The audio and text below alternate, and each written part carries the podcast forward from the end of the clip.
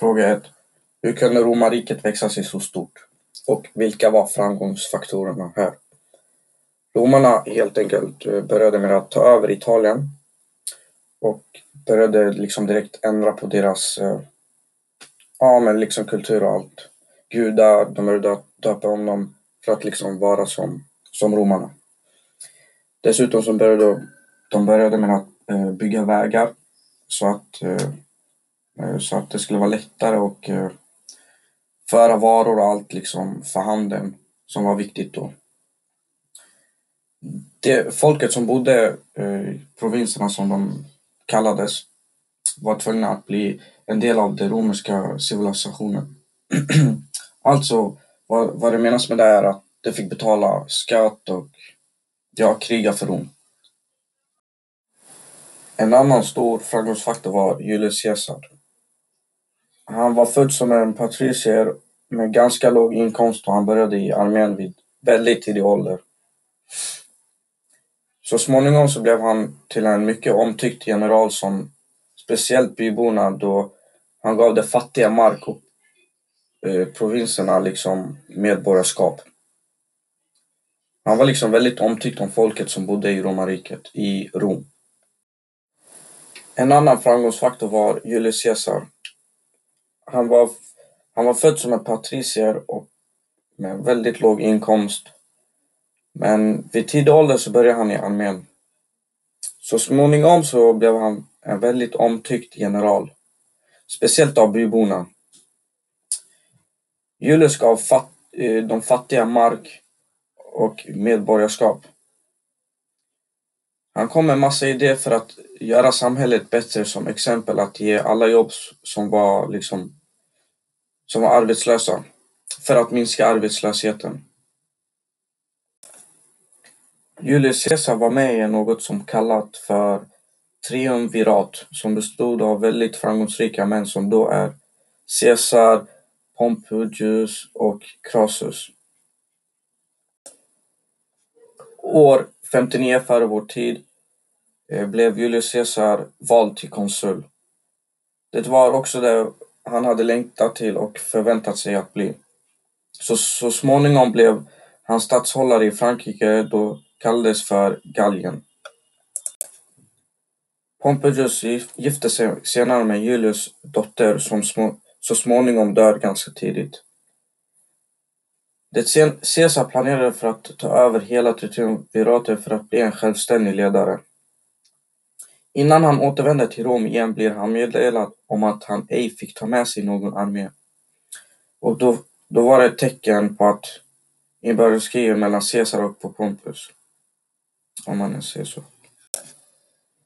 Julius Caesar vinner då kriget mellan han och Popon Pompeius. När han väl vinner kriget så utropar han sig själv som diktator över eh, Rom.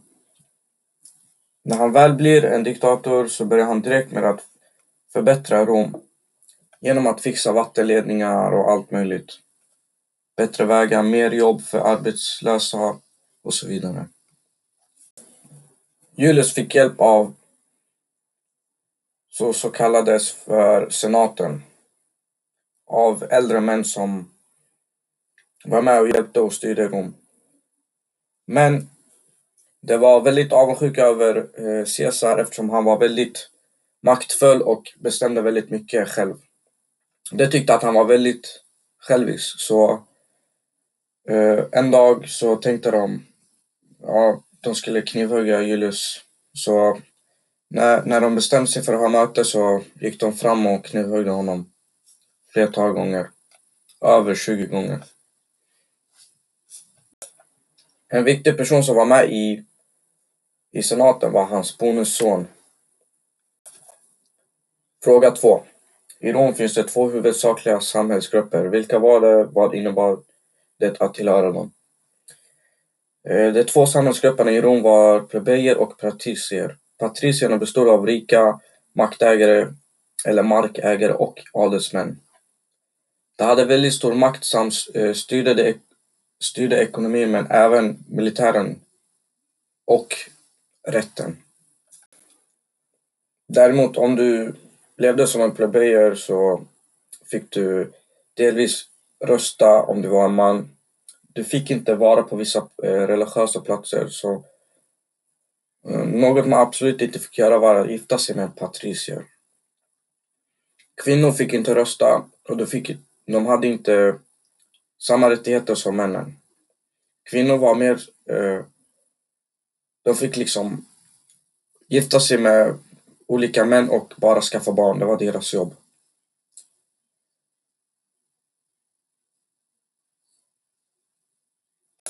När männen var ute och kriga så fick kvinnorna hålla koll på bönderna och barnen. Som en kvinna eh, fick man vara en hemmafru, fick bara arbeta i jobbet och ha sysslor i jobbet.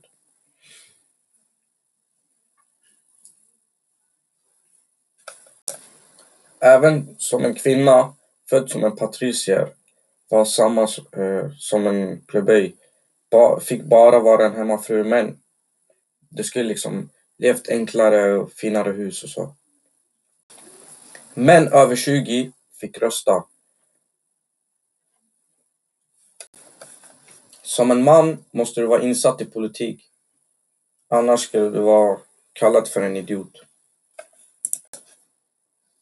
Fråga 3. Roms fred och fall. A. Redogör för begreppet Pax Romana. Vad innebär det? Pax Romana kallades en period där det var mycket fred som arrangerades i romerska riket. Delvis av kejsaren Augustus tid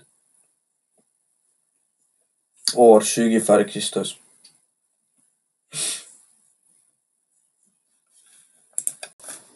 Pax Romana höll sig tills Eh, kejsaren Marcus Aurelius eh, död år 1800 efter Kristus.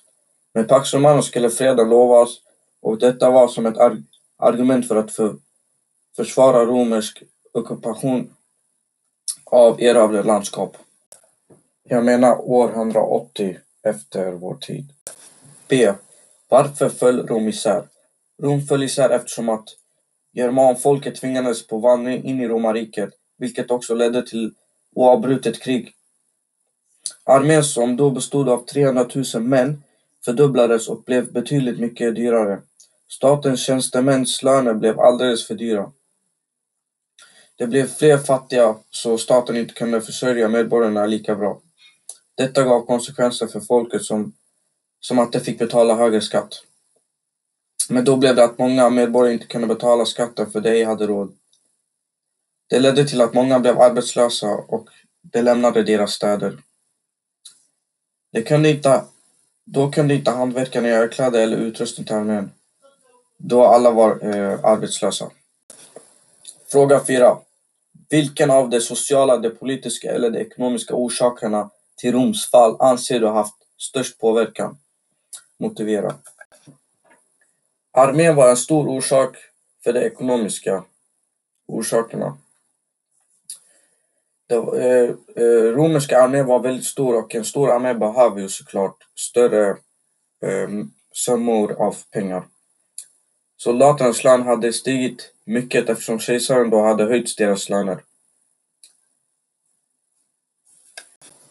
Armén blev så dyr så att de behövde höja skatten för medborgarna. Och detta ledde till att det blev mer fattigdom och folk kunde inte betala skatten. Det blev min, eh, mer arbetslöshet och folk kunde inte bara leva där. Det ledde ju såklart också till att när folket inte bet kunde betala skatter så kunde de inte betala armén. Konsekvenserna för det blev ju att det blev färre skattebetalningar och inkomster. Det gjorde att pengarna ej räckte till för att kunna, eh, kunna hålla ihop ett eh, väldigt stort rike. Eftersom man hade slutat eh, erövra så ledde ju det till mindre slavar och det betyder att man behövde höja skatterna för, jordbruk, för jordbrukarna. Det blev mindre arbetskraft och slavarna blev mycket dyrare. En väldigt stor orsak var ju såklart ekonomin. Mycket pengar saknades och det orsakade många problem. Det kunde liksom inte underhålla vattenledningarna och avloppen.